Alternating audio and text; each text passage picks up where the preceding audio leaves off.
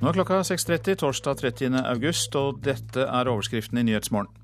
Tidligere voldtektsdømt mann siktet for falsk forklaring etter forsvinningen av Sigrid Giskegjerde Skjetne. SV vil bremse oljeindustrien med høyere skatter. Frykt i Datatilsynet for at sensitive opplysninger skal komme på avveie via det nye nødnettet.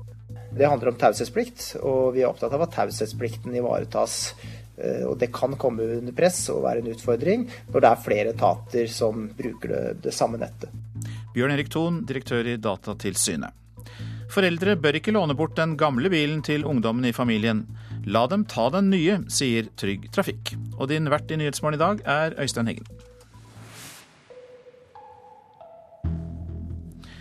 Mannen som er siktet for falsk forklaring i Sigrid-saken, er tidligere dømt for voldtekt. Det erfarer VG i dag. 16 år gamle Sigrid Giskegjerde Skjetne forsvant fra Østensjø i Oslo natt til søndag 5. august. Den siktede skal tilhøre nærmiljøet. Den siktede mannen ble dømt for voldtekt i Gulating lagmannsrett i 2007. Det skriver VG, og etter hva avisa erfarer, var det mannen selv som oppsøkte politiet etter at Sigrid Giskegjerde Skjetne var meldt savnet. Han hevdet han hadde sett henne. Politiet skal ha gått gjennom mannens påståtte observasjon under en rekonstruksjon, og konfrontert ham med at forklaringen må være løgn. 16 år gamle Sigrid forsvant fra Østensjø i Oslo ved midnatt til søndag 5. august. Den siktede mannen er fra hennes nærmiljø. Politiet er overbevist om at Sigrid er utsatt for noe kriminelt. Ifølge det VG erfarer, har politiet undersøkt en bil og gjennomført lange avhør med flere personer de siste dagene. Politiet har flere ganger i det siste svart pressen at de vet mer enn de vil si. Sa reporter Tonje Grimstad. Nå til Tampa i Florida, for der har republikanernes visepresidentkandidat Paul Ryan lovet at han og Mitt Romney skal lede USA ut av landets økonomiske problemer dersom de vinner valget. Det sa han i sin tale på republikanernes landsmøte for få timer siden. Han anklaget Obama-administrasjonen for å gjøre for lite for å få ned arbeidsløsheten. Right now, 23 million men and women are struggling to find work. Nearly one in six Americans is in poverty. So here's the question without a change in leadership, why would the next four years be any different from the last four years? Ja, applaus til den uh, siste replikken om at uh, uten et lederskifte blir ikke de neste fire år noe bedre. Og det var altså visepresident Paul Ryan, visepresidentkandidat riktignok. Og USA-korrespondent Jon Gelius fulgte talen til Paul Ryan i natt. Ja, Dette var en meget engasjert taler som sto på talerstolen her i Tampa i Florida. og Hans hovedbudskap var at nå er det på tide å endre den økonomiske politikken her i USA. Han ønsker å fjerne Obamas helsereform, og han lover å skaffe 12 millioner nye arbeidsplasser og kutte drastisk i de offentlige budsjettene. Hvilken mottakelse fikk han av landsmøtedeltakerne? Ja, Dette var tydeligvis en 42-åring som gikk rett hjem i landsmøtesalen. Han ble avbrutt av med applaus flere ganger, langvarig applaus. Eh, folk reiste seg også flere ganger under talen hans. Og da han også var veldig personlig om sin oppvekst, han mistet sitt far som 15-åring, så var det mange som også satt med tårer i øyekroken. Så dette var en meget sterk eh, tale fra Paul Ryan, som jo er republikanernes eh, nye stjerneskudd, og ikke minst deres økonomiske strateg. Og det var en meget god mottakelse i salen. Og det blir mer fra republikanernes landsmøte rett etter klokka sju her i Nyhetsmorgen. Oljeindustrien går så godt at den ødelegger for annen virksomhet. Det mener SV. Bare denne uken har Statoil varslet nye storsatsinger både i Nordsjøen og i Arktis. Nå vil SVs stortingsrepresentant Alf Egil Holmelid sette på bremsene. Vi vil stramme inn for oljeselskapene fordi at det skal bli rom i økonomien til annen aktivitet, og fordi at det er mer av den som vi kaller grunnrenta, fellesskapets eiendom, skal komme inn i statskassa. Nyheter om vekst i oljevirksomheten kommer på løpende bånd. Oljeeventyret ser ikke ut til å ta slutt. I dag meldte Statoil at de har gjort nok et nytt stort funn. Statoil trapper opp letingen etter olje i Barentshavet. Neste år Det er blitt for lønnsomt å investere i olje i forhold til annen industri, mener SV. Det har vært en eksplosiv økning i oljeaktivitetene i de siste årene. Det fører til et sterkt press i norsk økonomi. og det presset går utover andre næringer. Og det kan gjøre til at vi får en veldig ensidig næringsstruktur i Norge om noen år. Og det får konsekvenser. Ja, Det er farlig, fordi vi trenger en allsidig næringsstruktur. For den skal være robust i forhold til internasjonale konjunkturer, og for så vidt også kunne ha perspektiver utover oljealderen. Nå vil altså SV bremse oljeselskapene og sørge for at statskassa får en større del av kaka. Det er flere måter en kan gjøre det på. En kan se på den som vi kaller for særskatten for oljen. Vi kan se på de gode avskrivingsreglene som eh, de har i den bransjen. Eller vi kan også se på de ekstraordinære gode ordningene de har fått for skattelette gjennom leting når de ikke finner olje. Vi i OLF syns at det er et eh, dårlig forslag som SV kommer med der. Det sier Erling Kvadsheim, som er direktør for næringspolitikk i Oljeindustriens Landsforening. Det petroleumsindustrien er avhengig av, er et stabilt aktivitetsnivå. Og for å få til det, så må vi ha stabile rammebetingelser over lang tid. Men det er jo ikke bare SV som har advart mot at uh, den voldsomme veksten i oljeindustrien faktisk kan ødelegge for annen industri, både med hensyn til investeringer, arbeidskraft osv. Mener dere at dette overhodet ikke er noe problem? Det som er viktig å huske, er at olje- og gassnæringen det er den aller viktigste motoren i norsk økonomi. Og at denne næringen bidrar til å dempe de negative virkningene som vi nå ser som følge av krisen lenger sør eh, i Europa. Så det å gå inn i en diskusjon om å gjøre det vanskeligere for denne næringen i Norge nå, syns vi er helt feil. Reportere her Katrin Hellesnes og Trond Lydersen. Det er ikke avklart hvordan personopplysninger skal behandles i det nye nødnettet. Datatilsynet frykter sensitive opplysninger skal komme på avveie, og har bedt regjeringen finne løsninger. Er det noe som vil vakt noe over? Spørsmålet fra operasjonslederen i Hordaland går via politiet sitt eget nødsamband enn så lenge. Kan du kjøre på telefon fra 2015 blir politiet en del av det nye digitale nødnettet, i lag med de andre blålysetatene brann og ambulanse. Store mengder personopplysninger skal gå via ett nett. Men styresmaktene har ikke avklart hvordan disse opplysningene skal håndsames. Datatilsynet frykter for personvernet, sier direktør Bjørn Erik Thon. Sånn som dette systemet er lagt opp i dag, så er ikke de ansvarsgrensene og de ansvarsreglene klare nok, rett og slett. Det handler om taushetsplikt, og vi er opptatt av at taushetsplikten ivaretas. Eh, og det kan komme under press og være en utfordring når det er flere etater som bruker det, det samme nettet. Hvem skal få vite at du er syk, at du fyllekjører eller at huset ditt har store brannskader? Det vil Datatilsynet ha klargjort så snart som mulig, og ber Justisdepartementet lage ei egen lov som sikrer at opplysningene ikke kommer i feil hender. Der skal det stå eh, f.eks. hvor lenge opplysninger skal lagres, når opplysninger som kommer inn da skal slettes, eh, hvem som skal kunne se eh, de ulike opplysningene osv. Direktoratet for nødkommunikasjon ser nå på ulike løsninger for å sikre personvernet. En ny lov knytt til nødnettet kan bli et alternativ, sier seniorrådgiver Gunnel Helmers. Antagelig så trenger vi å få til en presisering av regelverk. Og det er noe som vi må få til sammen med departementet og nødetatene. Så det er det vi har begynt på nå. Reporter Trude Bakke. Det blir tøff kamp om å få de ledige budsjettkronene etter at politi og beredskap har fått sitt. I dag samles hele regjeringen for å snekre neste års statsbudsjett. Finansminister Sigbjørn Johnsen avlyser oljepengefesten. Ja, Vi må ha et stramt budsjett i den forstand at eh, det er viktig at vi bruker den muligheten vi nå har, når det er eh, god vekst i norsk økonomi, til å bygge opp reserver. For vi vet aldri hva som skjer rundt. Nå skal ikke jeg gå inn på tall, men eh, vi må sikte oss under 4% på han nå i 2013. Frankrike må sikre at utvisning av romfolk og stenging av deres leire ikke strider mot internasjonale rettigheter. Det mener FN. Granskere fra FN sier at romfolk har behov for bedre boforhold, og peker på at kollektive utvisninger strider mot folkeretten. Den franske regjeringen har satt i verk avvikling av flere romfolkleire i nærheten av Paris, Lyon og Lille. Den begrunner stengingen av leirene med helse- og sanitærhensyn.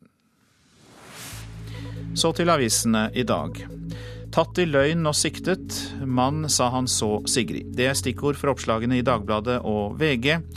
Som vi har hørt tidligere i sendingen, voldtektsdømt etterforskes for falsk forklaring i forbindelse med at Sigrid Giskegjerde Skjetne forsvant.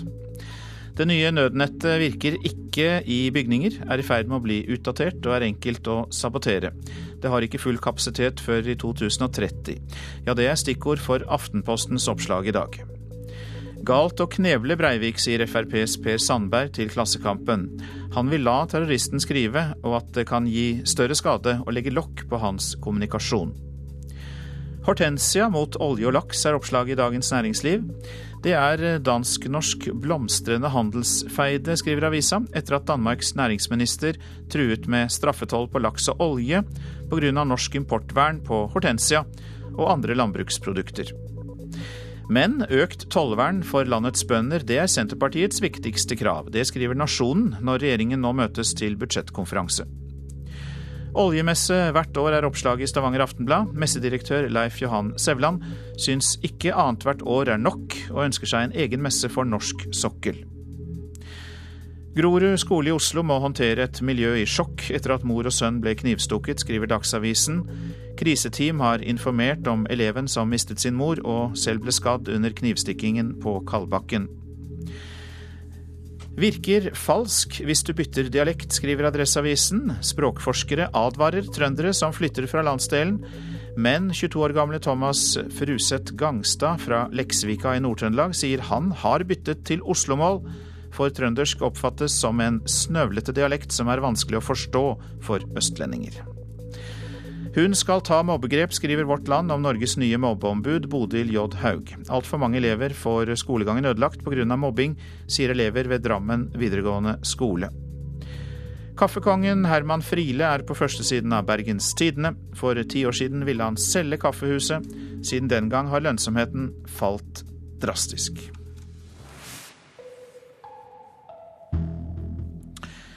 Nå kjemper tre norske fotballag om en plass i Europaligaen. Tromsø vant 3-2 over Partisan Beograd hjemme i Tromsø. I kveld er det bortekamp. Per-Mathias Høgmo skal slutte som Tromsø-trener, men muligheten for å avslutte karrieren i Europaligaen vurderer han som stor. Rundt 50-50. Det er en eh, skikkelig fair sjanse. Vi, vi var bedre enn dem på hjemmebane. og eh, Vi møter et lag som eh, er godt men ikke bedre enn at det er mulighet til å straffe dem. Og dette er kanskje en av de største kampene noen gang for Tromsø idrettslag? Ja, det, det kan man si. For eh, nå har man jo vært inne en gang i gruppespillet etter en veldig sterk prestasjon med seier borte mot Galatasaray bl.a. I, i den i 2005. Eh, så var vi veldig nært å slå ut eh, Bilbao i 2009. Og nå har vi igjen eh, muligheten mot, eh, mot Partisan. Så eh, i den konteksten er det ingen tvil om at det er en av de store kampene for Tromsø idrettslag, ja. Og Tromsøs meritter ute i Europa er gode? Ser vi på de 15 siste kampene vi har spilt i Europa, så har vi åtte seire, fem uavgjorte og to tap. Så det taler for seg sjøl. Høgmos strategi er enkel? I mitt hode så er det sånn at du må være opptatt av å straffe motstanderne. Altså du må være opptatt av å skåre mål. Eh, og så kan du si at motsatsen er å ligge nedpå og bare forsvare seg, men det funker ofte dårlig. Og skulle han lykkes, blir det en fin fjær i Høgmos hatt. Det å dra TIL til et gruppespill i Europa, det, det henger veldig høyt. Det, det gjør det. Tromsøs Per-Mathias Høgmo, reporter Ole Jakob Jorseth. Og de andre kampene er Molde mot Heerenveen og Rosenborg mot Legia Warszawa. Du lytter til Nyhetsmorgen. Klokka den er 6.44 akkurat der, og vi har disse hovedsakene. Tidligere voldtektsdømt mann siktet for falsk forklaring etter forsvinningen av Sigrid Giskegjerde Sjetne. SV vil bremse oljeindustrien med høyere skatter. Og det er frykt i Datatilsynet for at sensitive opplysninger skal kunne komme på avveie via det nye nødnettet.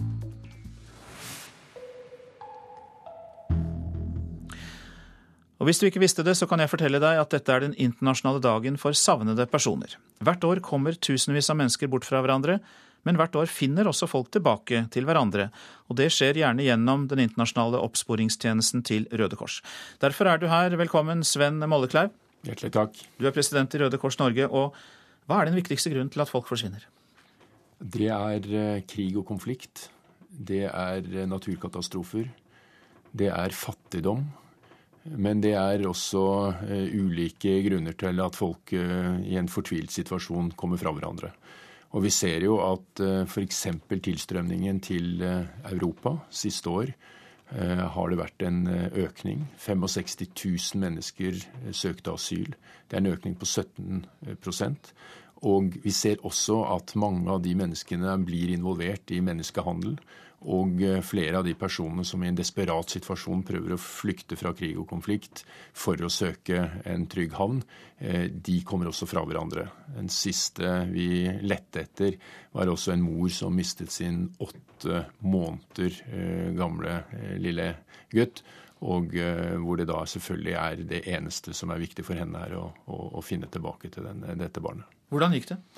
Ja, vi, eh, Det er heldigvis slik at av de historiene vi har i Norge, og av de 650 henvendelsene vi får i Norge, så lykkes vi ved å gi et svar i halvparten av tilfellene. Eh, I dette tilfellet så, så, gikk det bra også i Europa, fordi vi har dette nettverket som du sa innledningsvis, av 187 nasjonale Røde Kors- og Røde Halvmåneforeninger, som også har sine lokale eh, foreninger, slik at når folk kommer fra hverandre, så tar de kontakt med det lokale Røde Kors eller Røde Halvmåne, og så registrerer de seg.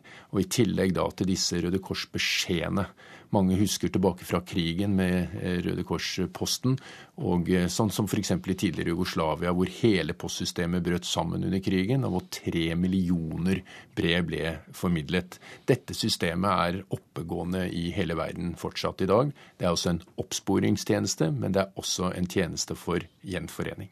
Et viktig nettverk for mange, men jeg er nysgjerrig på denne åtte måneder gamle gutten som mm. forsvant og så fant moren sin igjen. Eller han gjorde ikke det, da. Mm. Eh, hvordan gjorde dere det? Hva var det som skjedde? Nei, det er jo selvfølgelig at, eh, at mor eh, fortvilt da kontakter det Røde Kors i det landet de kommer til. Og så er det sånn at på ulike mottak så registreres det.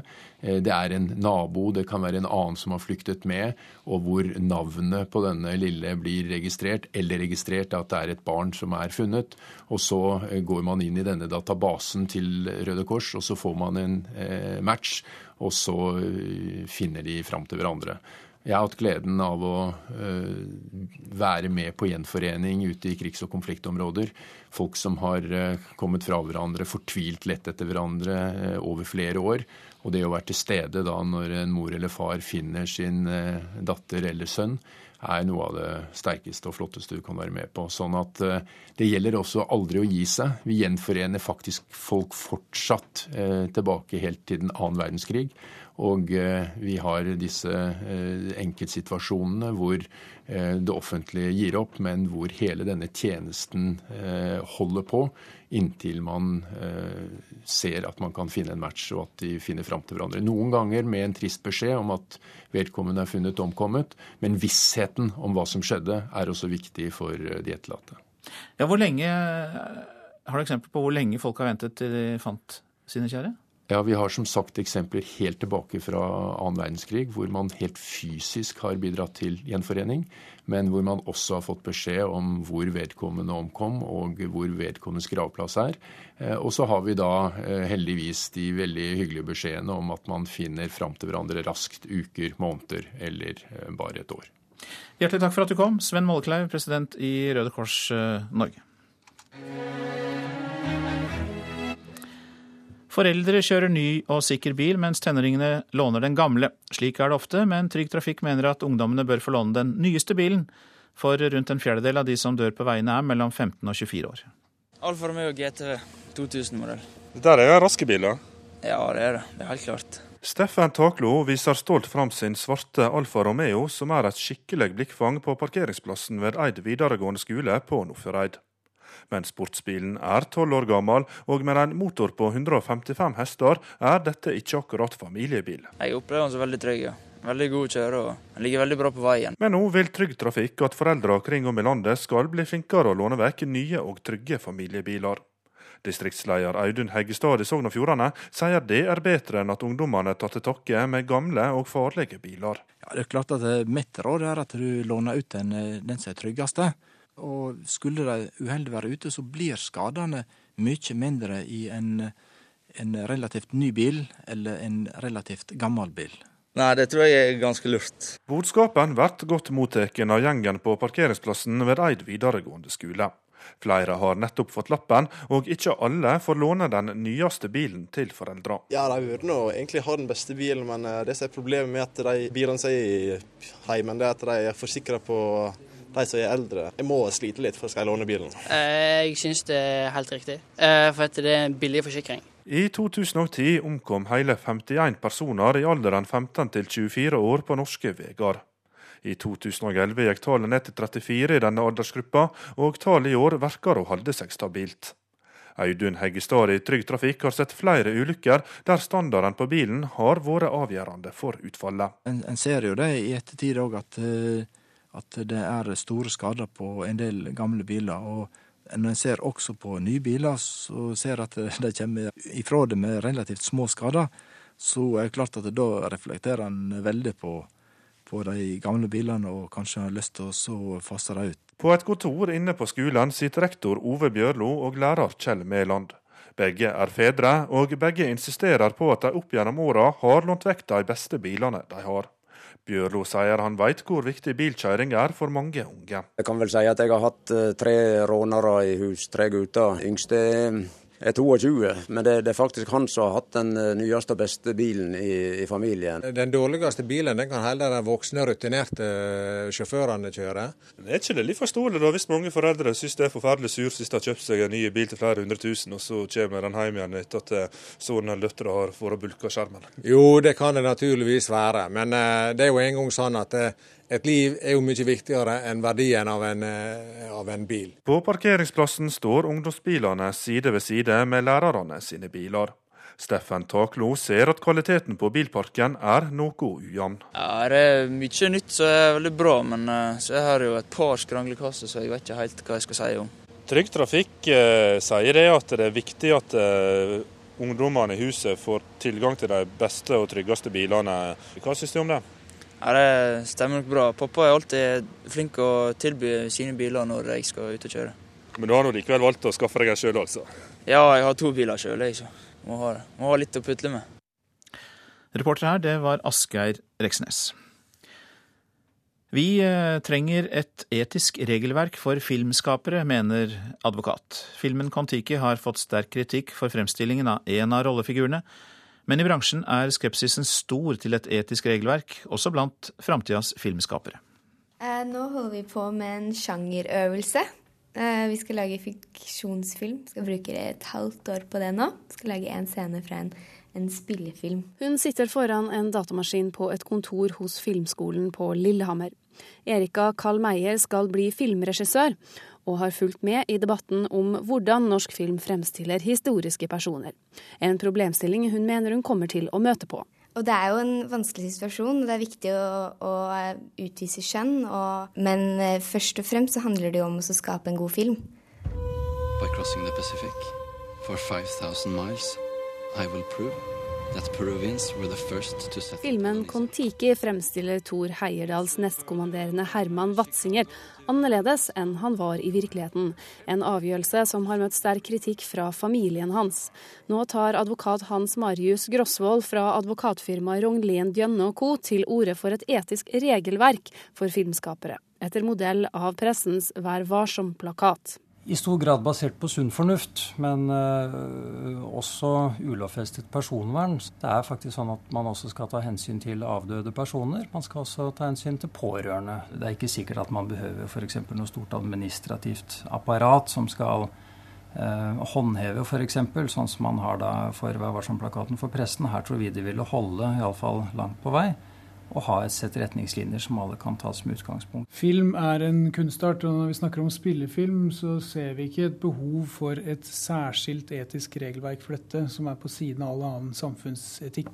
Sier generalsekretær i Norske film- og TV- og spillprodusenters forening, Leif Holst Jensen. Ingen ønsker bevisst å såre noen, det er ikke det eh, man skal gjøre her. Men i utgangspunktet så skal eh, filmkunsten, på lik linje med skjønnlitteraturen, være fri og norsk filmbransje planlegger flere filmer basert på virkelige hendelser. Filmer om Sonja Hennie, Kjostolf Moland og Joshua French, Henry Rinnan og Vidkun Quisling er i planlegging. Filmstudent Erika Karl Meyer syns likevel ikke at en Vær varsom-plakat er noen god idé. Eh, jeg tror at det vil gjøre at vi kan eh, ikke fortelle like gode historier, og at historiene blir svekket. Og det er veldig synd. Eirin Venås Sivertsen var eh, reporter her. Dansekompaniet Frikars Hallgrim Hansegård har møtt mye motstand hjemme i Valdres. For to år siden så fikk Frikarakademiet kjøpe en nedlagt gymsal av kommunen. Siden har det vært bråk. De slo gjennom med dans til Alexander Rybaks vinnerlåt i Melodi Grand Prix i 2009. Men etter at Hallgrim Hansegård ville etablere Frikarakademiet med kursvirksomhet og nye arbeidsplasser hjemme i Valdres, ble det bråk. Jeg har ingen plass å være, sånn, sånn turning og sånne ting. Så jeg syns det er ganske dumt. Turngruppa kasta inn håndkle. Korpset skulle ligge på vent pga. det som da har skjedd. Grendahuset i Audal, som rett og slett ble støle papirer her. Her er det i to år har Bente Anti i aksjonsgruppa kjempa mot at kommunen solgte grendehuset deres til Frikarakademiet. Nå står jo da lag og organisasjoner i Aurdal uten et fast tilholdssted. Sånn at uh, hvis vi skal ha arrangementer i, i, et grendehus, så, så har vi ingen steder å være. Hun sier kritikken ikke retter seg mot Hansegård, men kommunen. Det er jo ikke Frikar vi kjemper imot, det er jo kommuna og hva de har lovd bygdefolket og tatt fra bygdefolket. For ei drøy uke siden overtok Hallgrim Hansegård gymsalen i Valdres. Han vil gjerne leie ut salen når den ikke er i bruk, noe ikke alle er fornøyd med. Vært bedre sånn som det var før. Han kunne heller hatt et annet lokal eller noe. Ordfører Inger Torunn Klosbøle sier en leieavtale må være bra for folket. Ved å ha sambruk med Frikar, så mener vi at vi kan eh, få til de grendehusfunksjonene som spesielt korpset og Audal IF Gym og Turn eh, da har sagt de trenger. Og I dag er det ekstraordinært kommunestyremøte der leieforholdene skal avgjøres. Mange er spente på utfallet. Vi er veldig spent. Jeg tror kommunene og ordføreren de, de, har et veldig press på seg til å få dette vedtatt. Jeg håper at vi får tilbake gymsalen og alt som vi hadde, liksom. Reporter Stein Eide.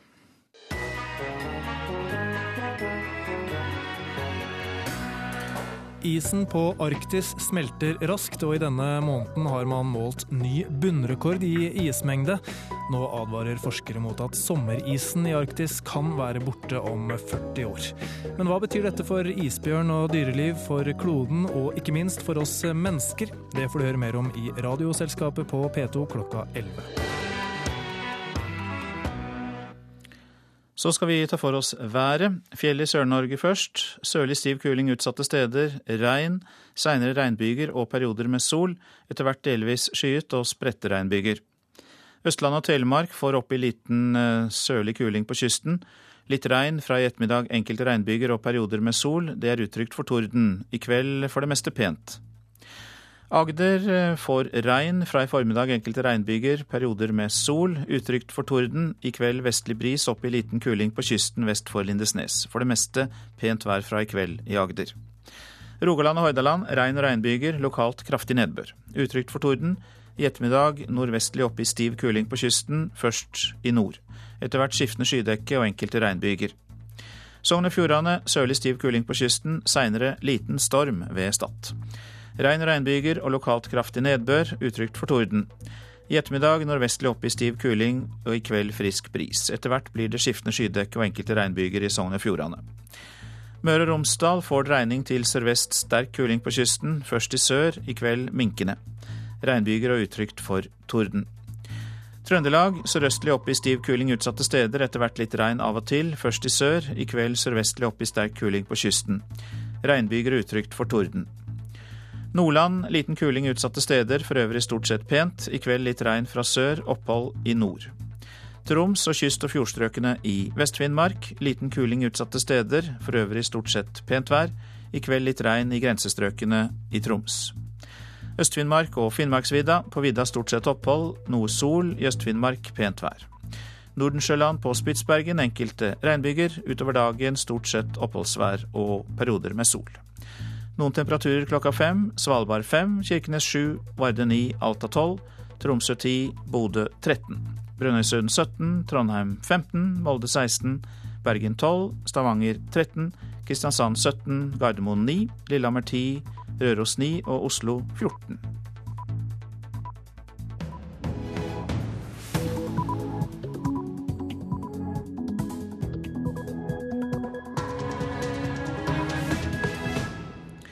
Dette er Nyhetsmorgen. Klokka er sju. Øystein Heggen er i studio med en nyhetsoppdatering.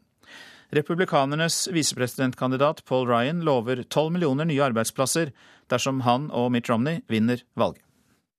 We have a plan for a stronger middle class with a goal of generating 12 million new jobs over the next four years. Mannen som er siktet for falsk forklaring i Sigrid-saken, er tidligere dømt for voldtekt, ifølge VG.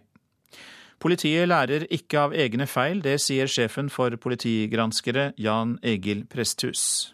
Jeg tror det er viktig at vi har et politi som har muligheter til å settes i stand til å lære av feil. Oljeindustrien går så godt at den ødelegger for annen virksomhet, mener SV, som vil øke skattene. Stadig færre tar båtførerprøven. Nå vil fagfolk lage en ny prøve for å lokke til seg menn som tror de er verdensmestere på sjøen. Godt voksne mennesker som har vært på, på sjøen i hele sitt liv i småbåt og farta skjærgård og kyst rundt. Som jeg har snakket med og har tatt båtførerprøven, og sier at de fikk et par aha-opplevelser. Knut Wedding, som er skipper i Redningsselskapet. Ja, republikanernes visepresidentkandidat Paul Ryan lover at han og Mitt Romney vil lede USA ut av landets økonomiske problemer og skaffe 12 millioner nye arbeidsplasser. I sin tale på republikanernes landsmøte i Tampa i Florida i natt anklaget han Obama-administrasjonen for å gjøre for lite for å redusere arbeidsløsheten i USA. Where the recovery that was promised is nowhere in sight. Right now, 23 million men and women are struggling to find work. Nearly one in six Americans is in poverty. Millions of young Americans have graduated from college during the Obama presidency, ready to use their gifts and get moving in life. Half of them can't find the work they studied for or any work at all. So here's the question without a change in leadership, why would the next four years be any different from the last four years? Og USA-korrespondent Jon Gelius forteller at det var stor entusiasme rundt Paul Ryans tale i natt. Ja, Dette var en meget engasjert taler som sto på talerstolen her i Tampa i Florida. og Hans hovedbudskap var at nå er det på tide å endre den økonomiske politikken her i USA. Han ønsker å fjerne Obamas helsereform, og han lover å skaffe 12 millioner nye arbeidsplasser og kutte drastisk i de offentlige budsjettene. Hvor viktig framsto kritikken av president Obama i talen? Jeg vil si at Paul Ryan gikk rett i strupen på Obamas eh, politikk. Eh, han eh, sa om presidenten at han ikke er noen god leder, at han skylder på alle andre, at han ikke tar ansvar for sin egen politikk. Og han var veldig knallhard i sin kritikk av Obamacare, altså helsereformen her i USA. Den har jo Mitt Romney tidligere sagt at de vil fjerne hvis de overtar på første dag. Så det var en meget sterk kritikk av Obama, og delvis også nesten latterliggjøring av hans politikk. Og den unge Paul Ryan framsto som en meget engasjert politiker. Hvilken mottakelse fikk han av landsmøtedeltakerne? Ja, Dette var tydeligvis en 42-åring som gikk rett hjem i landsmøtesalen. Han ble avbrutt av med applaus flere ganger, langvarig applaus. Folk reiste seg også flere ganger under talen hans. Og da han også var veldig personlig om sin oppvekst, han mistet sitt far som 15-åring, så var det mange som også satt med tårer i øyekroken. Så dette var en meget sterk tale fra Paul Ryan, som jo er republikanernes nye stjerneskudd, og ikke minst deres økonomiske strateg. Og det var en meget god mottakelse i salen. En god taler, åpenbart, men appellerer han først og fremst til republikanske kjernevelgere, eller appellerer han breiere? Vanskelig å svare på etter bare denne første talen hans. Det er jo første gang han framstår for det amerikanske folket i eh, beste sendetid. Eh, men det er klart at det budskapet han hadde nå i eh, natt norsk tid, det gikk rett hjem hos partifellene først og fremst, altså hos de etablerte republikanerne. Hvor mange som lot seg overbevise av hans retorikk og hans måte å legge fram synspunktene på, gjenstår å se. Presidentkandidaten selv, Mitt Romney, skal i ilden i morgen. og Hva er det forventet at han eh, vil fokusere på, Jongelius? Ja, nå må du huske på at nå har det altså vært to stykker som har ledet opp til eh, finaletalen i morgen. Først i går var det jo hans kone Ann Romney som holdt en sterk og personlig tale. Nå i kveld var det altså Paul Ryan, visepresidentkandidaten, og i morgen skal Mitt Romney i ilden. Det er ventet at han også vil gå mye tydeligere inn i den økonomiske politikken som hans team vil stå for på vegne av republikanerne. Men det er også ventet at han også vil eh, kritisere Obama. Så vil morgendagen saken vise. Mange sier at dette vil være hans livs tale. Og det er jo i beste sendetid som Mitt Romney da kan overbevise ikke bare sine egne partifeller, altså forene det republikanske partiet, men også prøve å kapre nye velgere for å kunne slå Obama i presidentvalget. Jon Gelius fra Tampa, Florida, da jeg snakket med ham eh, rett før sending. En mann som tidligere er dømt for voldtekt, er siktet for å ha avgitt falsk forklaring til politiet under etterforskningen av Sigrid Giskegjerde Skjetnes forsvinning. Det skriver VG. Det har gått over tre uker siden 16-åringen forsvant fra på vei hjem fra ei venninne. Det var i avhør at den siktede mannen skal ha gitt feil opplysninger til politiet, ifølge TV 2. Mannen som er fra nærmiljøet til Sigrid, er tidligere dømt for voldtekt, skriver VG. Han skal ha meldt seg for politiet og fortalt at han hadde sett Sigrid. Nå er mannen siktet for falsk forklaring. Verken politiet eller familiens bistandsadvokat Harald Stabel ville kommentere saken til NRK i går kveld. 16 år gamle Sigrid Skjetne ble meldt savnet halv ett natt til søndag 5. august, etter ikke å ha kommet hjem til avtalt tid. Nabojenta er ikke funnet. Vi skal finne henne. Og det er noen ganger eh, sånn her i verden at eh, vi mener det vi sier, og vi har sagt at vi skal lete etter vi finner. Det gjør vi.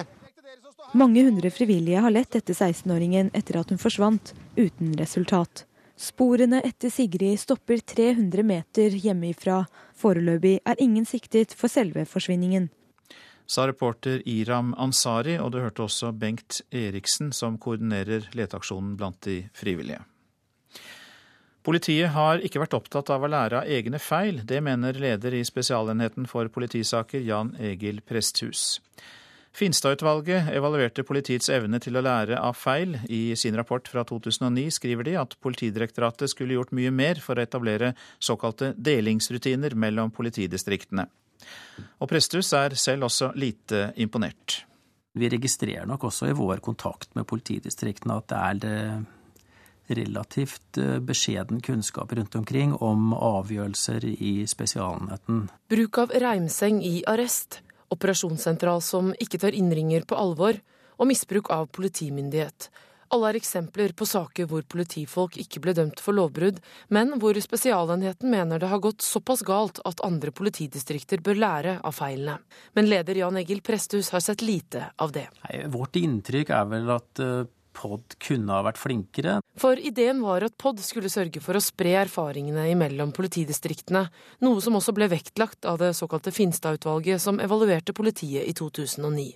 I mange år har flere og flere saker blitt trukket frem, men leder av utvalget Liv Finstad syns det har skjedd sørgelig lite i etterkant. Jeg er helt sikker på at en rekke feil og, og hendelser som politiet får kritikk for, og det også betimelig kritikk, det kunne ha vært unngått hvis eh, dette hadde blitt håndtert bedre.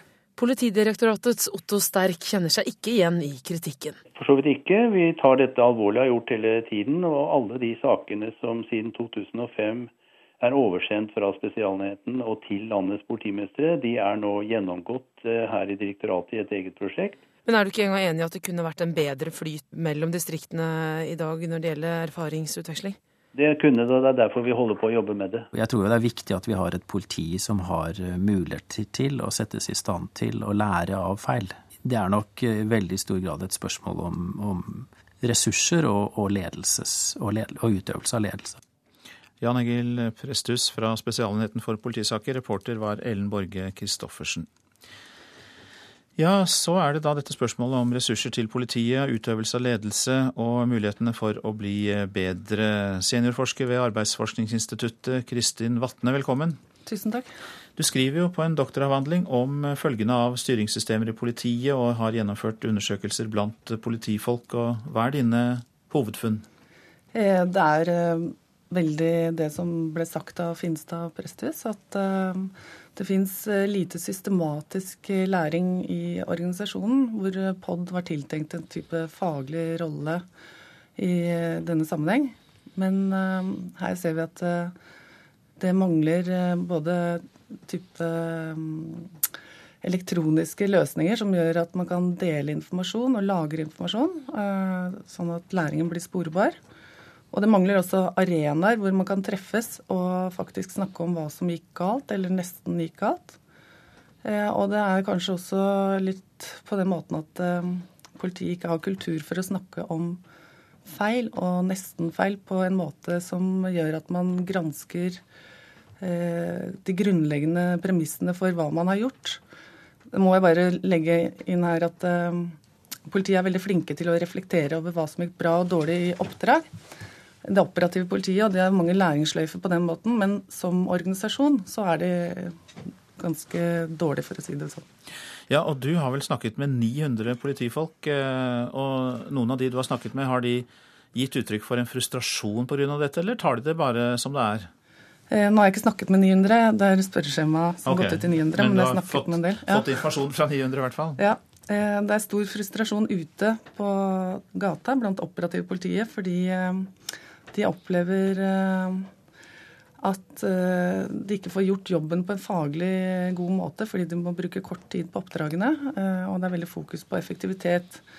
Og I den sammenheng så blir det også lite fokus på læring, fordi da får man mindre tid til å reflektere over hva som skjedde i oppdragene, og de vet i utgangspunktet veldig mye om hva som gikk galt. Men ja. Eh, har du gjort deg noen tanker om hvilke virkninger dette får når politiet skal betjene publikum? Er det noe vi eh, får inntrykk av som publikum også? Ja, det er jo slik at uh, publikum er den viktigste markøren for hva som er godt politiarbeid for de som er ute i gata. Det er ikke måltallene, kort saksbehandlingstid og antall kontrollerte biler, men det er faktisk tilbakemeldingene fra publikum, og det er den følelsen de har i maven når de går hjem fra jobb.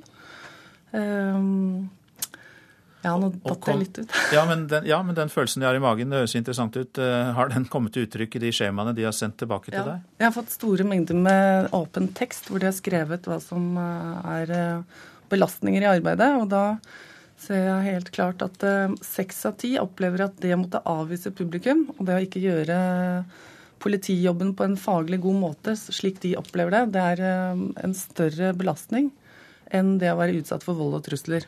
Fem av ti mener det er en større belastning, eller stor belastning, mens eh, seks av ti mener at det å avvise publikum er mye verre, da. Hjertelig takk for at du kom, Kristin Vatne, seniorforsker ved Arbeidsforskningsinstituttet, og delte disse informasjonene med oss. Takk skal du ha. Det blir en tøff kamp om de få ledige budsjettkronene etter at politi og beredskap har fått sitt. I dag samles regjeringen for å snekre neste års statsbudsjett, og finansminister Sigbjørn Johnsen avlyser oljepengefesten. Nå skal jeg ikke gå inn på tall, men eh, vi må sikte oss eh, under 4% på han nå i 2013, ja. Kilder utdyper finansminister Sigbjørn Johnsens svar til NRK. Neste års budsjett blir tydelig innenfor forhandlingsregelen. Krisen er ikke over, kanskje har den bare så vidt begynt. Ja, Vi må ha et stramt budsjett i den forstand at uh, det er viktig at vi bruker den muligheten vi nå har, når det er uh, god vekst i norsk økonomi, til å bygge opp reserver. For vi vet aldri hva som skjer rundt oss. Og plutselig skjer det noe internasjonalt som gjør at reserver kommer godt med. Økonomisk krise på den ene siden, valgkamp og ønske om godsaker på den andre, og store behov for penger til politi og beredskap på den tredje. Ja, Nå varsler jo statsministeren bl.a. i redegjørelsen her om dagen at det skal bevilges mer til øvelser og trening. Det skal bevilges penger til å starte prosjektering og tilrettelegging av et beredskapssenter for politiet i Oslo. De slike ting blir jo selvsagt ført opp. Det er klart at budsjettet for 2013 vil òg ha klare spor av det som skjedde 22.07. i fjor.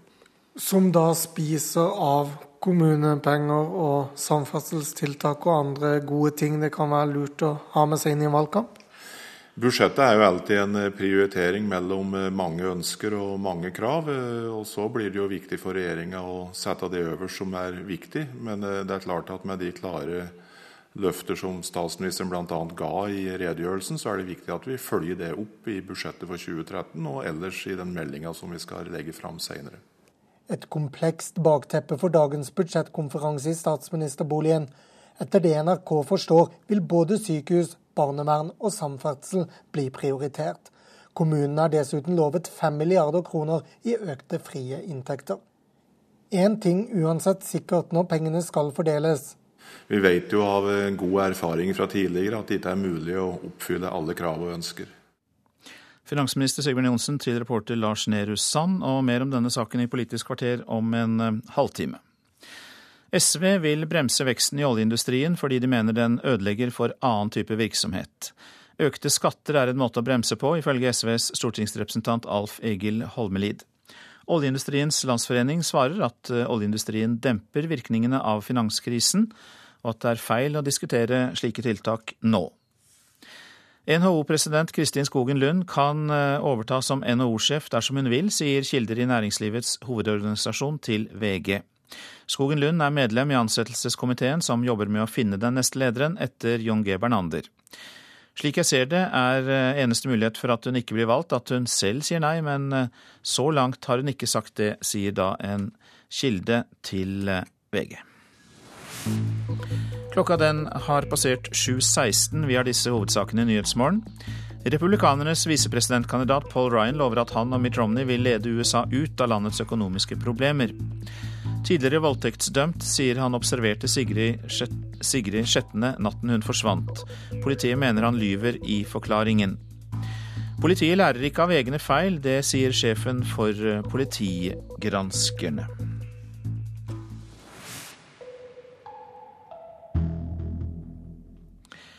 Internasjonale klimaforhandlinger er neste stikkord. I dag møtes forhandlere fra hele verden i Bangkok til den siste runden med samtaler før neste klimatoppmøte. Det skal være i Qatar mot slutten av året.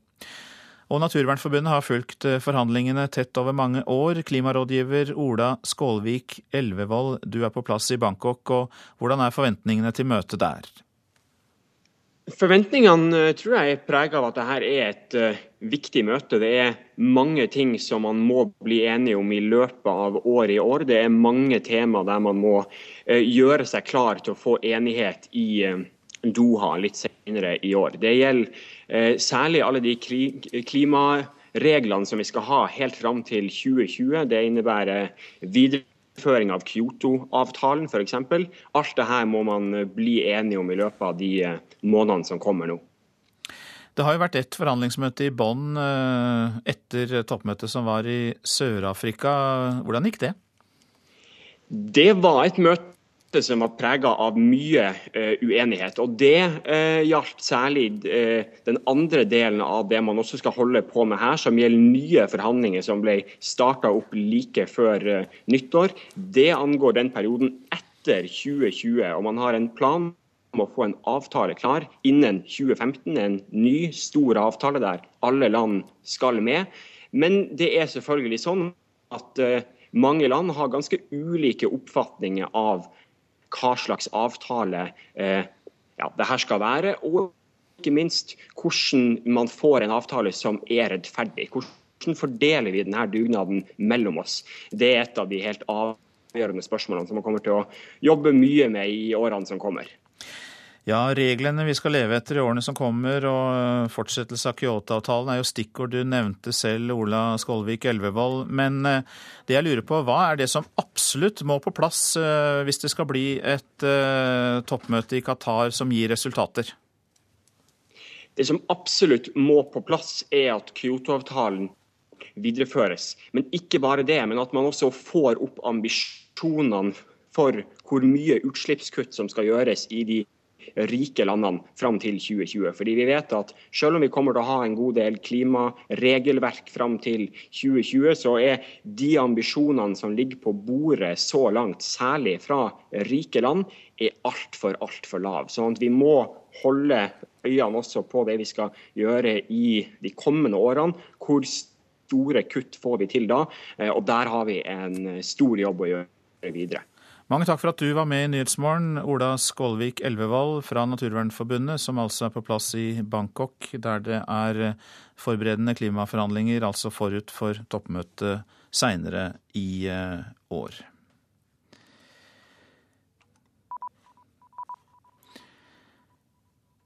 14 000 mennesker er fortsatt savnet etter krigene på Balkan i 1990-årene. I en ny rapport kritiserer Amnesty myndighetene i, landene, myndighetene i landene på Balkan for å gjøre for lite for å etterforske forsvinninger. Nærmere 80 000 medlemmer av en indianerstamme i Amazonasjungelen i Venezuela skal ha blitt drept av illegale gullgruvearbeidere. Det opplyser flere menneskerettighetsgrupper til BBC. Angrepet skal ha funnet sted i juli like ved grensen til Brasil. 19 mennesker har omkommet og 28 sitter innesperret i dypet etter en eksplosjon i en kullgruve sørvest i Kina. Rundt 150 mennesker jobbet i gruven, som eh, ligger i Sichuan-provinsen eh, i eh, Kina. I Los Angeles ble en gruppe med ni barn og to voksne i går påkjørt av en 101 år gammel bilist som mistet herredømmet over bilen. De fire barna er alvorlig skadet, og alle elleve ble brakt til sykehus. Det var altså fra Los Angeles. Den nye spesialutsendingen til Syria, Lektar Brahimi, planlegger å besøke Damaskus i løpet av de neste tre ukene. Det opplyser hans talsmann etter Brahimis første Syria-møte i Sikkerhetsrådet.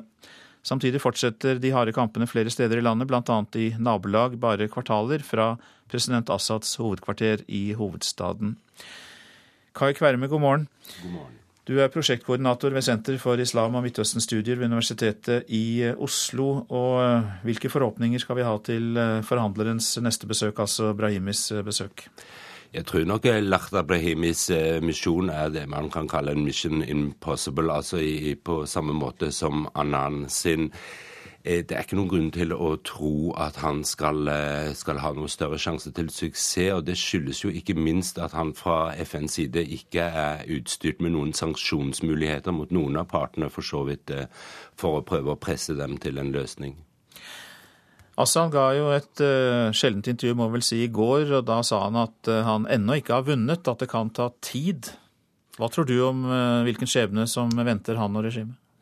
Altså, Dette regimet er ferdig, men det er riktig som Assad sier, at det, kan ta tid. Men, men eh, vi, trenger, vi, kan bare se på, på omverdenen, så, så, ser man jo at dette regimet er ferdig. og da Ikke minst kan vi se på Tyrkia, som jo har kuttet alle bånd og er aktivt involvert i å få regimet bort. Det samme er store deler av den arabiske verden.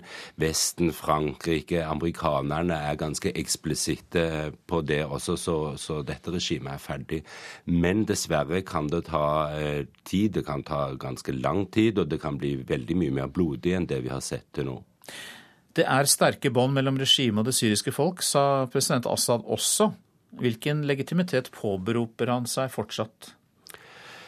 Ja, altså, det, det, er jo slik med sånne diktatorer at man blir jo nesten nødt for å, å finne opp Eh, alle mulige slike ting. Altså Syria er jo et land der presidentene blir valgt med 99,9% der stemmene og offentliggjør det og, og, og, og later som at dette her er et faktum. ikke sant? Altså, Assad har legitimitet i noen deler av befolkningen. Det er jo ikke slik at ingen i Syria støtter Assad, fordi da hadde han jo vært ferdig for lenge siden. Men det er jo et helt klart mindretall av syrerne som støtter han, og han holder seg jo bare ved makten nå ved hjelp av eh, veldig, veldig sterk bruk av makt, ikke sant.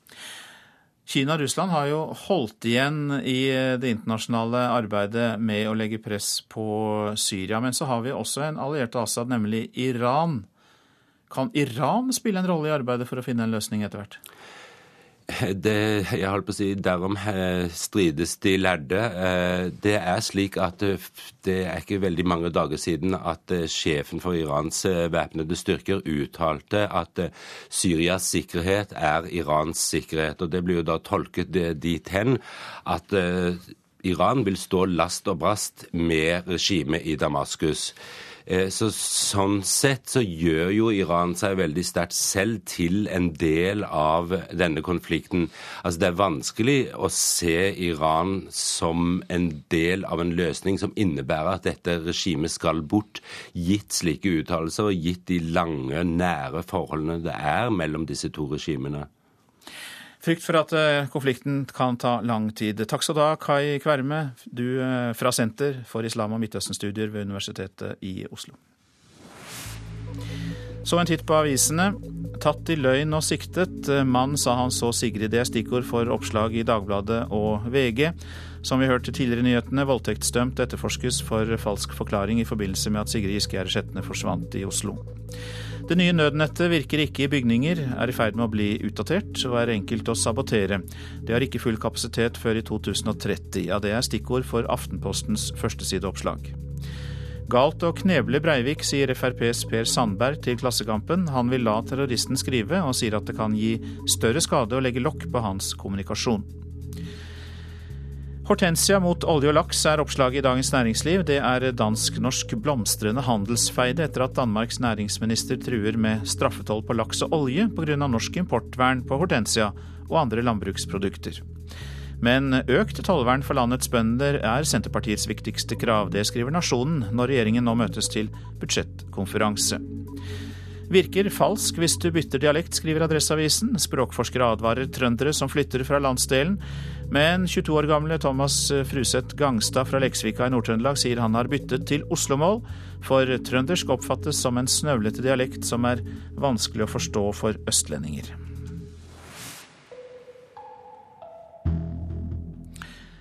Stadig færre tar båtførerprøven. Det viser ferske tall fra Norsk Test. På ett år har antall beviser gått ned med 10 Fagfolk mener prøven må fornyes for å lokke menn som tror de er verdensmestere på sjøen, til kursing.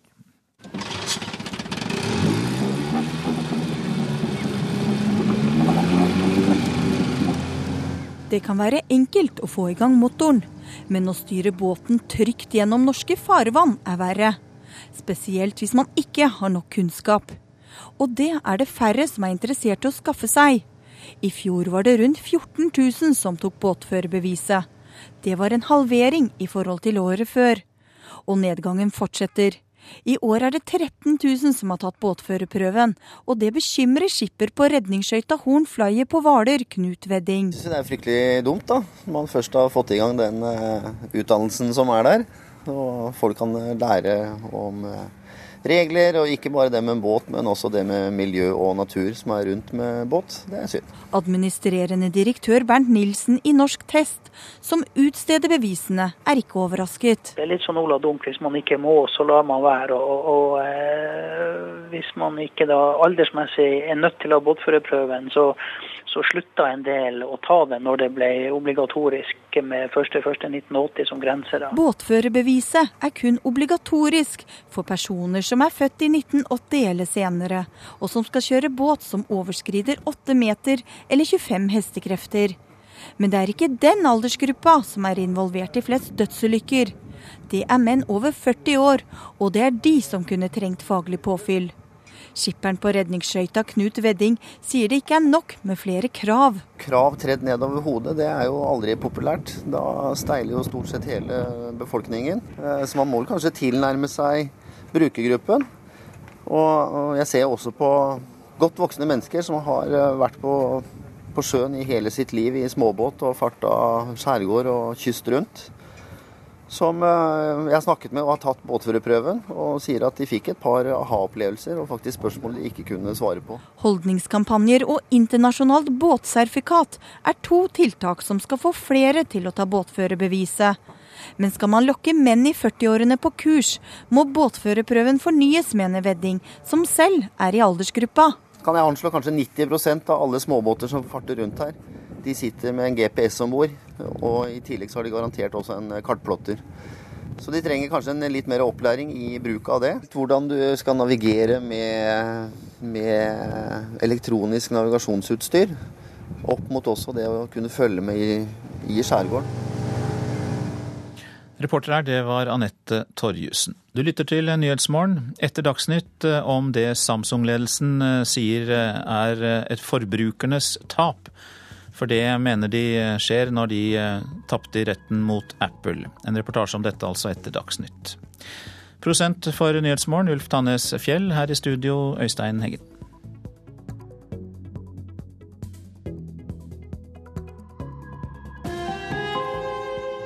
Hør ekko. Du trenger ikke en stor hage eller et jorde for å dyrke dine egne gulrøtter. Det gror faktisk greit i en gammel ryggsekk. Flere velger å bli bønder i byen og dyrke maten der de bor. Men hjelper det for annet enn samvittigheten? Ekko 9 11 i NRK P2.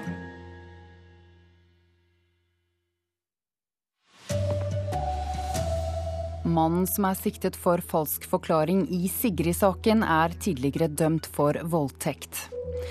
Republikanernes visepresidentkandidat Paul Ryan sier det trengs et lederskifte for å få USA på beina igjen. Why would the next four years be any different from the last four years? Sjefen for politigranskerne her hjemme mener politiet er lite lærevillige. Her er NRK Dagsnytt klokken 7.30. Mannen som er siktet for falsk forklaring i Sigrid-saken, er tidligere dømt for voldtekt. Det har gått over tre uker siden 16 år gamle Sigrid Skjetne forsvant på vei hjem fra en venninne. Den siktede mannen ble dømt for voldtekt i Gulating lagmannsrett i 2007. Det skriver VG, og etter hva avisa erfarer, var det mannen selv som oppsøkte politiet og hevdet at han hadde sett den savnede Sigrid Skjetne. Politiet skal ha gått gjennom mannens påståtte observasjon under en rekonstruksjon og konfrontert ham med at forklaringen må være løgn. 16 år gamle Sigrid forsvant på vei hjem fra en venninne på Østensjø i Oslo rundt midnatt til søndag 5. august. Tidlig på natten fant to gutter Sigrids mobiltelefon og skoene hennes i en barnehage 300 meter unna Sigrids hjem. Flere tusen har deltatt i leteaksjoner. Frivillighetskoordinator Bengt Eriksen holdt appell for dem som skulle søke. Nabojenta er ikke funnet. Vi skal finne henne. Politiet er overbevist om at Sigrid er utsatt for noe kriminelt, og har saumfart nærmiljøet, bl.a. på jakt etter tidligere dømte overgripere. Den siktede mannen er fra Sigrids nærmiljø. Sa reporter Tonje Grimstad. Republikanernes visepresidentkandidat Paul Ryan varsler 12 millioner nye arbeidsplasser og kutt i det offentlige dersom han og Mitt Romney vinner valget. I sin eh, landsmøtetale i natt angrep han eh, president Barack Obama for både helsereformen og den økonomiske politikken. Han er republikanernes nye stjerneskudd og partiets økonomiske strateg, 42 år gamle Paul Ryan. I nattens tale som visepresidentkandidat gikk han rett i strupen på president Barack Obama og hans helsereform. Den hører ikke hjemme i et fritt USA, sa Ryan, og lovet å fjerne den. Obamacare comes to more than 2,000 pages of rules, mandates, taxes, fees, and fines that have no place in a free country. Obama fikk gjennomgå for sin økonomiske politikk og en gjeldsbyrde som aldri før har vært tyngre for USA. One president, one term, five trillion in new debt. Visepresidentkandidaten lovet i sin tale å skape 12 millioner nye arbeidsplasser og sørge for dype kutt i det offentlige, og minnet Obama om at amerikanernes rettigheter ikke stammer fra noen regjering. Even presidents need reminding that our rights come from nature and God and not from governments. Paul Ryan tok landsmøtesalen med storm og høstet langvarig applaus for sin personlige og engasjerte tale. Han lovet sine partifeller at han og Mitt Romney vil stå for lederskap og ta ansvar for egne handlinger.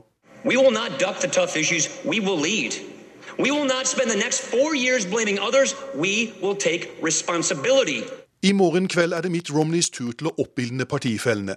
Hans visepresidentkandidat lyktes godt med å begeistre i natt, skal vi dømme ut fra responsen i landsmøtesalen. Jon Gelius, Tampa, Florida. Jamen. Politiet har vært for dårlige til å lære av egne feil. Det mener leder i Spesialenheten for politisaker Jan Egil Presthus. Finstad-utvalget, som evaluerte politiets evne til nettopp dette for tre år siden, mener POD fortsatt mangler gode systemer og rutiner for dette. Og Presthus er lite imponert. Vi registrerer nok også i vår kontakt med politidistriktene at det er det relativt eh, beskjeden kunnskap rundt omkring om avgjørelser i Spesialenheten. Bruk av reimseng i arrest, operasjonssentral som ikke tar innringer på alvor, og misbruk av politimyndighet. Alle er eksempler på saker hvor politifolk ikke ble dømt for lovbrudd, men hvor Spesialenheten mener det har gått såpass galt at andre politidistrikter bør lære av feilene. Men leder Jan Egil Presthus har sett lite av det. Nei, vårt inntrykk er vel at eh, POD kunne ha vært flinkere. For ideen var at POD skulle sørge for å spre erfaringene imellom politidistriktene, noe som også ble vektlagt av det såkalte Finstad-utvalget som evaluerte politiet i 2009. I mange år har flere og flere saker blitt trukket frem, men leder av utvalget Liv Finstad syns det har skjedd sørgelig lite i etterkant. Jeg er helt sikker på at en rekke feil og, og hendelser som politiet får kritikk for, og det også betimelig kritikk, det kunne ha vært unngått hvis eh, dette hadde blitt håndtert bedre. Politidirektoratets Otto Sterk kjenner seg ikke igjen i kritikken. For så vidt ikke. Vi tar dette alvorlig, og har gjort hele tiden. Og alle de sakene som siden 2005 er oversendt fra Spesialenheten og til landets politimestere, de er nå gjennomgått eh, her i direktoratet i et eget prosjekt. Men er du ikke engang enig i at det kunne vært en bedre flyt mellom distriktene i dag når det gjelder erfaringsutveksling? Det kunne det, og det er derfor vi holder på å jobbe med det. Jeg tror det er viktig at vi har et politi som har eh, mulighet til å settes i stand til å lære av feil. Det er nok i veldig stor grad et spørsmål om, om ressurser og, og, ledelses, og, led, og utøvelse av ledelse. Reporter her var Ellen Borge Christoffersen. Det blir tøff kamp om de få ledige budsjettkronene etter at politi og beredskap har fått sitt. I dag samles hele regjeringen for å lage neste års statsbudsjett. Finansminister Sigbjørn Johnsen avlyser oljepengefesten. Nå skal ikke jeg gå inn på tall, men eh, vi må sikte oss eh, under 4 på han nå i 2013, ja. Kilder utdyper finansminister Sigbjørn Johnsens svar til NRK. Neste års budsjett blir tydelig innenfor handlingsregelen. Krisen er ikke over, kanskje har den bare så vidt begynt. Ja, Vi må ha et stramt budsjett i den forstand at uh, det er viktig at vi bruker den muligheten vi nå har, når det er uh, god vekst i norsk økonomi, til å bygge opp reserver, for vi vet aldri hva som eh, skjer rundt oss. Økonomisk krise på den ene siden, valgkamp og ønske om godsaker på den andre, og store behov for penger til politi og beredskap på den tredje. Ja, Nå varsler jo statsministeren bl.a. i redegjørelsen her om dagen at det skal bevilges mer til øvelser og trening. Det skal bevilges penger til å starte prosjektering og tilrettelegging av et beredskapssenter for politiet i Oslo. De slike ting blir jo sjølsagt ført opp. Et komplekst bakteppe for dagens budsjettkonferanse i statsministerboligen. Etter det NRK forstår, vil både sykehus, barnevern og samferdsel bli prioritert. Kommunene er dessuten lovet 5 milliarder kroner i økte frie inntekter. Én ting uansett sikkert når pengene skal fordeles. Vi vet jo av god erfaring fra tidligere at det ikke er mulig å oppfylle alle krav og ønsker. Det sa finansminister Sigbjørn Johnsen til reporter Lars Nehru Sand. Og det blir mer om denne saken i Politisk kvarter på P2 klokken kvart på åtte. NHO-president Kristin Skogen Lund kan overta som NHO-sjef dersom hun vil, sier kilder i Næringslivets hovedorganisasjon til VG. Skogen Lund er medlem av ansettelseskomiteen som jobber med å finne den neste lederen etter Jon G. Bernander. Slik jeg ser det, er eneste mulighet for at hun ikke blir valgt at hun selv sier nei, sier en kilde til avisen. Så langt har Kristin Skogen Lund ikke kommentert dette i det hele tatt. Oljeindustrien går så godt at den ødelegger for annen virksomhet, mener SV.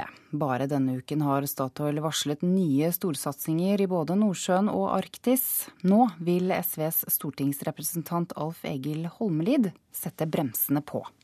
Vi vil stramme inn for oljeselskapene fordi at det skal bli rom i økonomien til annen aktivitet, og fordi at er mer av den som vi kaller grunnrenta, fellesskapets eiendom, skal komme inn i statskassa. Og SV møter Høyre til debatt om denne saken i Politisk kvarter også kvart på åtte. Sport nå. Så mange som 1000 av fotballaget Legia Warszawas beryktede supportere kan være på vei til Trondheim i forbindelse med kvalifiseringen til Europaligaen i kveld. Krzysztof Orlianski, formann i den polske foreningen i Trondheim, frykter bråk. Legia det er en spesiell klubb, og der, de har et veldig dårlig rykte. Rosenborgs motstander Legia Warszawa har Polens mest fryktede supportere, som ofte er involvert i vold og ødeleggelser i forbindelse med klubbens kamper. Vi forbereder oss eh, der sikkerhet er i høysetet. Tove Mo Dyrhaug er arrangementsansvarlig i Rosenborg. Vi har jo litt erfaring både i 2010, da hadde vi AIK her, og vi følger samme opplegget. De er berykta, men når vi var der på kamp, så var det faktisk koreografi og regi av ja, nesten bedre enn en forestilling på Trøndelag Teater. Reportere var Tommy Barstein. Ansvarlig for denne sendingen er Eirik Ramberg. Teknisk ansvarlig er Frode Thorshaug. I studio Ida Creed.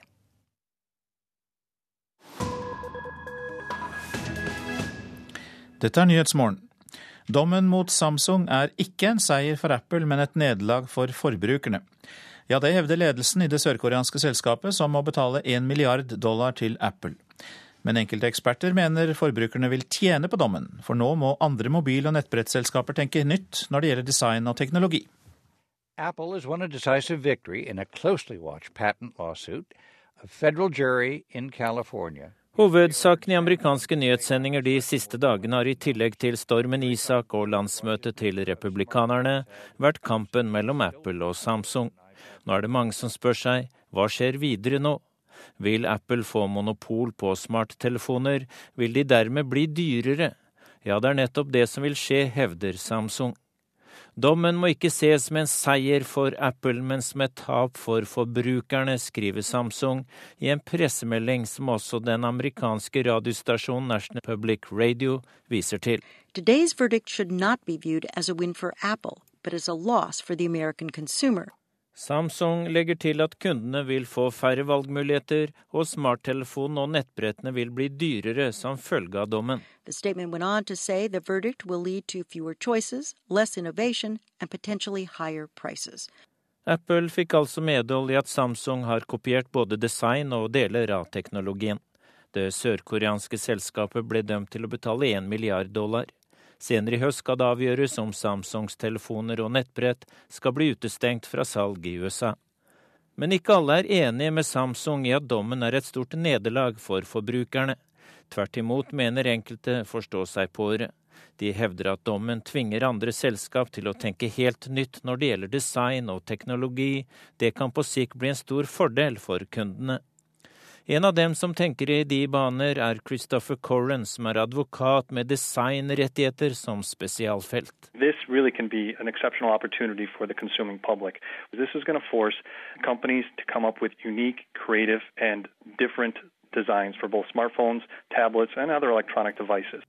Christopher Corran mener dommen mot Samsung kan bli en stor mulighet. Nå vil andre selskap bli mer forsiktige med å kopiere hverandre.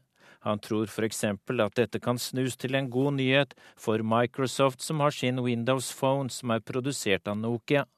Nokia har et annet utseende, og dommen kan føre til at dette blir Microsoft og Nokia sin sjanse til å utvikle sitt konsept videre. Andre eksperter hevder at Apple har et så stort forsprang nå at det kan bli vanskelig å konkurrere mot dem. En av dem er teknologianalytiker Charles Goldwyn. Han mener det kan bli frustrerende for kundene med en teknologi som ikke ligner på smarttelefonene til Apple. Han viser spesielt til det med inzoomingsmulighetene med touch-metoden, som det vil bli vanskelig å finne et godt alternativ til. This is something that everybody knows how to do now, but all of Apple's competitors have to figure out a way to let consumers do that Zoom, but do it in a different way, and that's going to be disruptive to those customers. Samsung ligger ikke nede for telling etter dommen i California. Tvert imot, de har anket dommen. Og i et skriv til sine medarbeidere sier ledelsen i Samsung at de kommer til å fortsette kampen mot Apple. Selskapet mener at dommen står i sterk kontrast til domsavgjørelser i andre land. Vi stoler på at kundene våre og markedet vil støtte dem som prioriterer innovasjon framfor søksmål, skriver sjefen i Sør-Korea, med et klart spark til sjefene i amerikanske Apple. Det sa reporter Dag Bredvei. Dette er Nyhetsmorgen, og vi har disse hovedsakene. Republikanernes visepresidentkandidat Paul Ryan lover at han og Mitt Romney vil lede USA ut av landets økonomiske problemer. Mannen som er siktet for falsk forklaring i Sigrid-saken, er tidligere dømt for voldtekt, ifølge VG. Politiet lærer ikke av egne feil, det sier sjefen for politigranskerne. Og så, hvor mye skal oljeselskapene betale i skatt? Det blir tema, det blir debatt til og med, i Politisk kvarter, eh, programleder Per Arne Bjerke. Ja, for SV mener oljeindustrien går så bra at skattene må økes. Typisk SV å straffe selskaper som går godt, svarer Høyre. Og i dansk politikk overgår virkeligheten fantasien.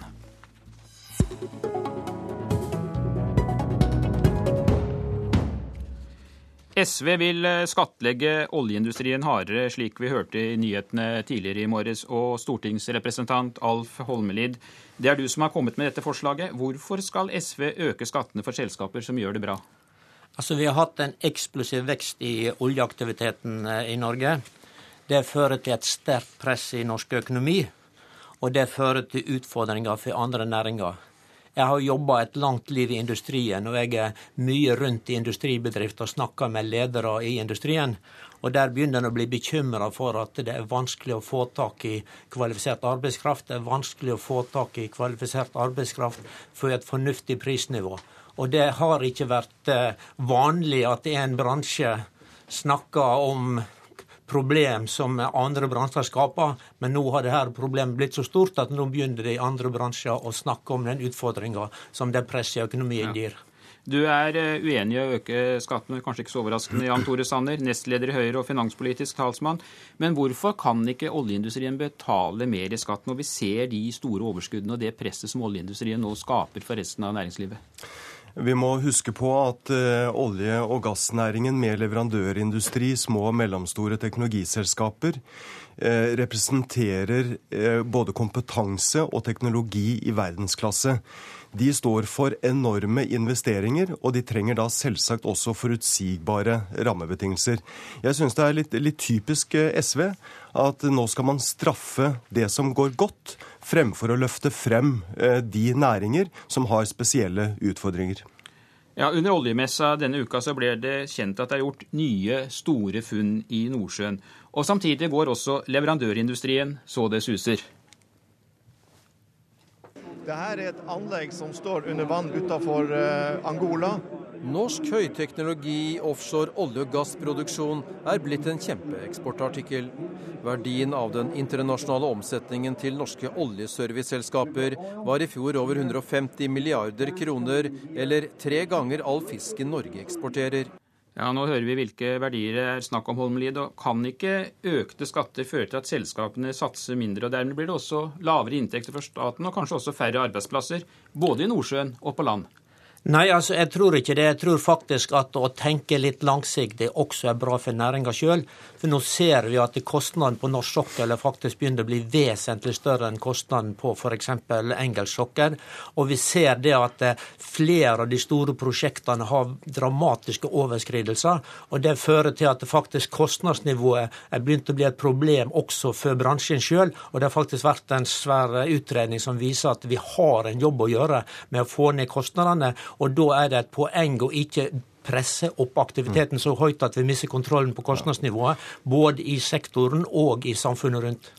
Det vi, det vi, må huske på, det er at eh, olje- og gassnæringen i Norge har et av verdens høyeste skattenivåer. Staten tar 78% av overskuddet fra disse næringene. Og det har vi tenkt å fortsette med. Det skal være et tøft skatteregime for en næring som eh, har så store inntekter. Men samtidig er det utrolig viktig at en næring som, eh, som har har investeringer i milliardklassen, også har forutsigbare rammebetingelser. Den forutsigbarheten er, viktig. Det jeg frykter vil skje med SVs forslag, det er at det vil ramme haleproduksjon og selskapenes kamp for å få mer ut av, av feltene. Hvis eh, konsekvensen blir, blir, dette, og det tror jeg fort det vil gjøre, for der er marginene minst, så vil det bety at store verdier for det norske fellesskapet, for den norske velferdsstaten, kommer til å være tapt for evig.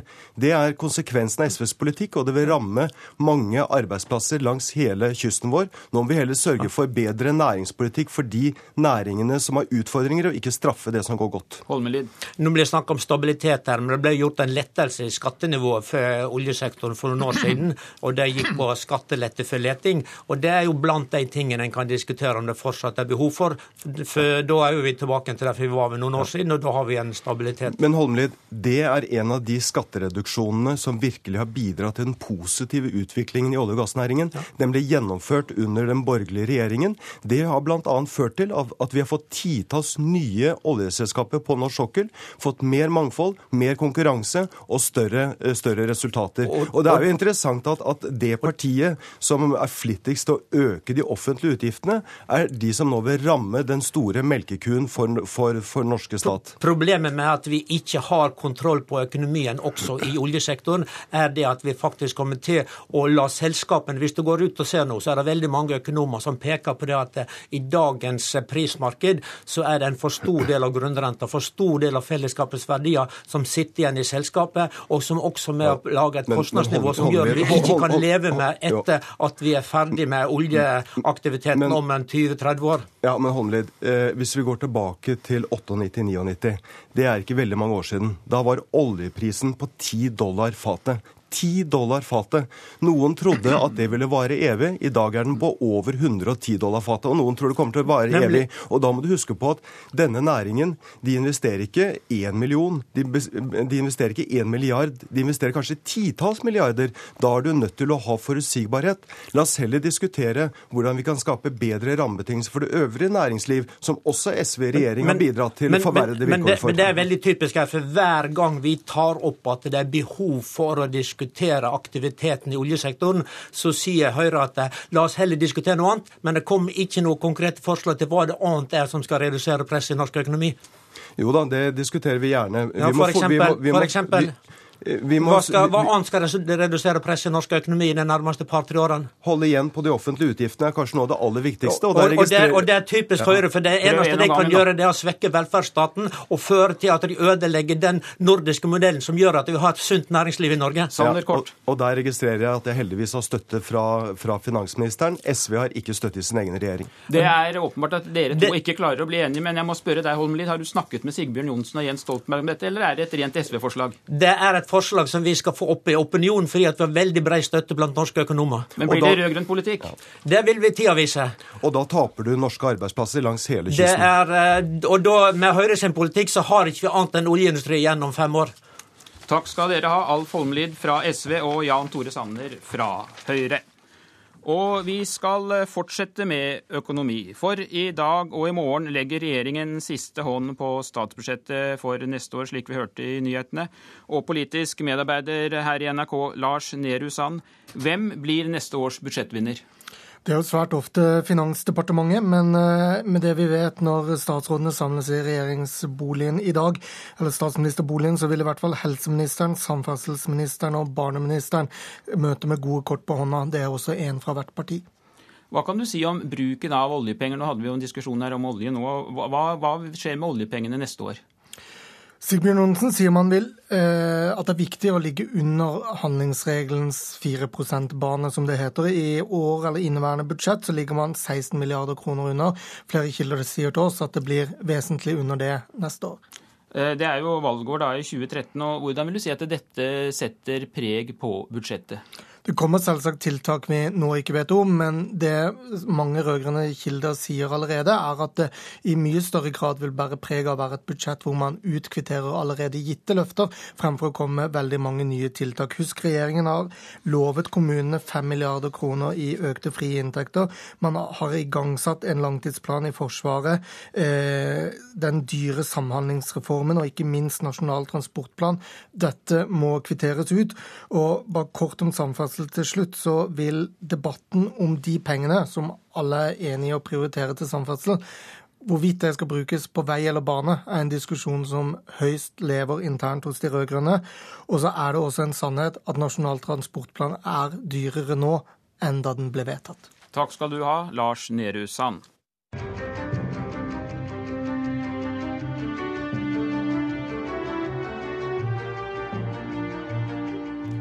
Mens vi venter på sesong tre av Borgen, er maktspillet i det virkelige politiske livet i Danmark i ferd med å overgå intrigene i den populære TV-serien. Denne uka begynte Skattekommisjonen avhørene av politikere, journalister og embetsmenn for å finne ut hva som egentlig skjedde da det like før valget i fjor høst ble lekket ulovlige private skatteopplysninger om den sosialdemokratiske statsministerkandidaten Helle Thorning-Smith og hennes mann. Et eh, sentralt spørsmål er om informasjonssjefen, eller spinndoktoren som de sier i Danmark, til den daværende borgerlige skatteministeren gikk til pressen for å ødelegge for sosialdemokratene. Og politisk analytiker i Danmarks Radio med meg fra København, Jens Ringberg. Hvem er det som skades mest av denne saken?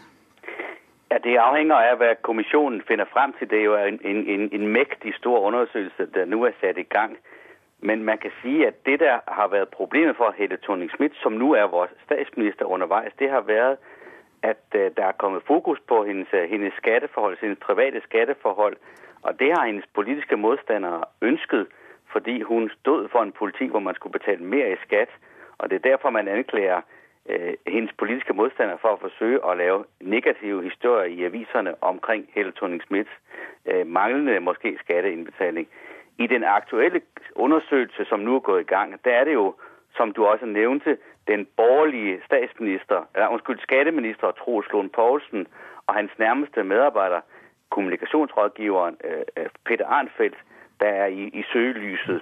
Og kommisjonen skal også undersøge, hvis for, er foregået noe øh, ulovligt for å skade Helle Thorning-Schmidt, har Lars Løkke Rasmussen, den daværende statsminister, så også vært involveret. Men det er jo øh, nok viktig å si, det er noe der nå skal undersøges. Så vi vet ingenting. Men det er jo en rekke mistanker, ellers starter man jo ikke i en undersøkelse. Eh, Nordens korrespondent for Sveriges Radio, Jenny Sanner Roskvist, du følger også denne saken. og Hvor alvorlig mener du dette er for statsminister Helle Thorning-Smith? Nej, men det är klart att det inte är gott för, för Helle Thorning-Schmidt, precis som Jens Ringberg säger här, att eh, hon företräder ju parti, eh, Socialdemokraterna, som, eh, som, ju, eh, som säger att man ska betala mer i skatt. Och så har hon själv försökt att icke betala skatt, eller hennes man då kanske. Det är lite tvivelaktigt hur det är med det där. Eh, så det är klart att det här är ju inte positivt för henne. Och hon har ju redan eh, dåliga opinionssiffror. Det är ju, man manglar ju förtroende för Helle Thorning-Schmidt nu. Hon var ju populär när hon blev statsminister, men nu är hon ju icke lika populär. Men det er jo ikke bare hun som, som ligger illa til, utan som vi hørte, men det, det, är ju, det här är ju riktig såpopera. Det her slår jo nesten borgen. Vet du. Det her har vi tidligere statsminister Lars Løkke Rasmussen kanskje, og vi har en tidligere skatteminister, vi har en spinndoktor, og vi har også då rykten om Helle Thorning-Smiths mann, som har jo gått rundt i, i, media. Ja, Jens Ringberg, man trenger jo nesten ikke borgen når man ser hvordan virkeligheten er, og er resultatet av dette at det egentlig er eh, alle politikere og om, politikernes omdømme som blir det den store taperen til slutt i denne saken? Ja, Det tror jeg nå ikke. Og La meg lige skynde meg å si, for, for at det skal være korrekt. Helle Thorning-Smith og hennes mann Steven Kinnock har betalt presis den skatt de skulle. De har ikke på noen som helst måte prøvd å, å snyde i skatt eller betale mindre i skatt. Det er nok en viktig pointe her å slå fast. Helle Thorning-Smith har fullstendig rene hender hva angår å betale sin skatt. Bare så det er sagt. Men det er riktig at denne her sag har gitt en ny diskusjon i Danmark om også om det man ser i Borgen, som vi også ser her, og som vi i Danmarks Radio er meget stolte av. Vi er meget stolte av vores serie Borgen, som får ros over hele verden, selv i USA. Denne her sag har, vist, har rejst en ny diskussion om forholdet mellom disse spindoktorer og kommunikationsrådgiver, og så journalister som jeg selv, der har vores daglige gang på virkelighedens Borgen. Er der et altfor tett samarbeid, blir vi brukt som journalister, måske misbrukt av disse mørkets fyrster, mørkets fyrster, mm. som man også kaller spinndoktorene. Og Der er kommet en ny diskusjon, og det er jo alltid en god diskusjon, for vi skal jo holde vores egne roller, kan man si. Eh, Jenny Sanner Roskvist, sett litt utenfra, hvordan bedømmer du virksomheten til disse danske spinndoktorene eller informasjonsmedarbeiderne? Alltså det, de har ju en mäktig roll. Det är ju lobbyister lite grann kan man nästan se det som.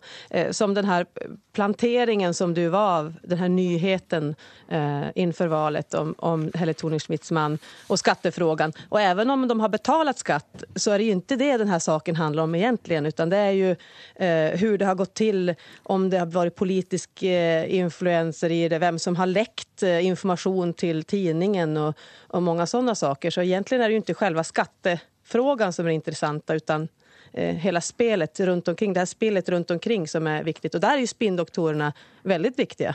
Eh, Ringberg, er det generelt for mye samrøre mellom journalister og spinndoktorer eller informasjonsmedarbeidere i Danmark? Man kan si at disse spinndoktorer er kommet til å fylle mye i, i, i vår hverdag, fordi de er meget ofte den adgang, man har for å få adgang til ministeren. Og de ligger tit inne med informasjoner. Men omvendt må man si, hvis man er en dygtig journalist, så forsøger man jo at, at få informasjoner ut av disse spindoktorer, uden at selv at blive brukt. Øh, så, så der er også måske en tendens til, at de blir tillagt en for stor rolle. I sidste ende er det jo journalistens eget ansvar, hvad man vælger at trykke. En journalist er jo ikke et offer for en spindoktor. Men, men, øh, men vi lever jo i en tid, og det fremgår også af Borgen, og det er sådan set rigtig skildret, hvor det er svært at lave en, en sondring. Du kan ikke sige, hvad er politik, hvad er kommunikation. De to ting hører jo sammen i en moderne tid. Det gør de formentlig også i Norge. Takk skal du ha, politisk analytiker i Danmarks Radio Jens Ringberg og Norden-korrespondent for Sveriges Radio Jenny Sanner Roskvist. Og dette er en sak vi ganske sikkert kommer tilbake til de neste månedene. Og det var Politisk kvarter. Jeg heter Per Arne Bjerke.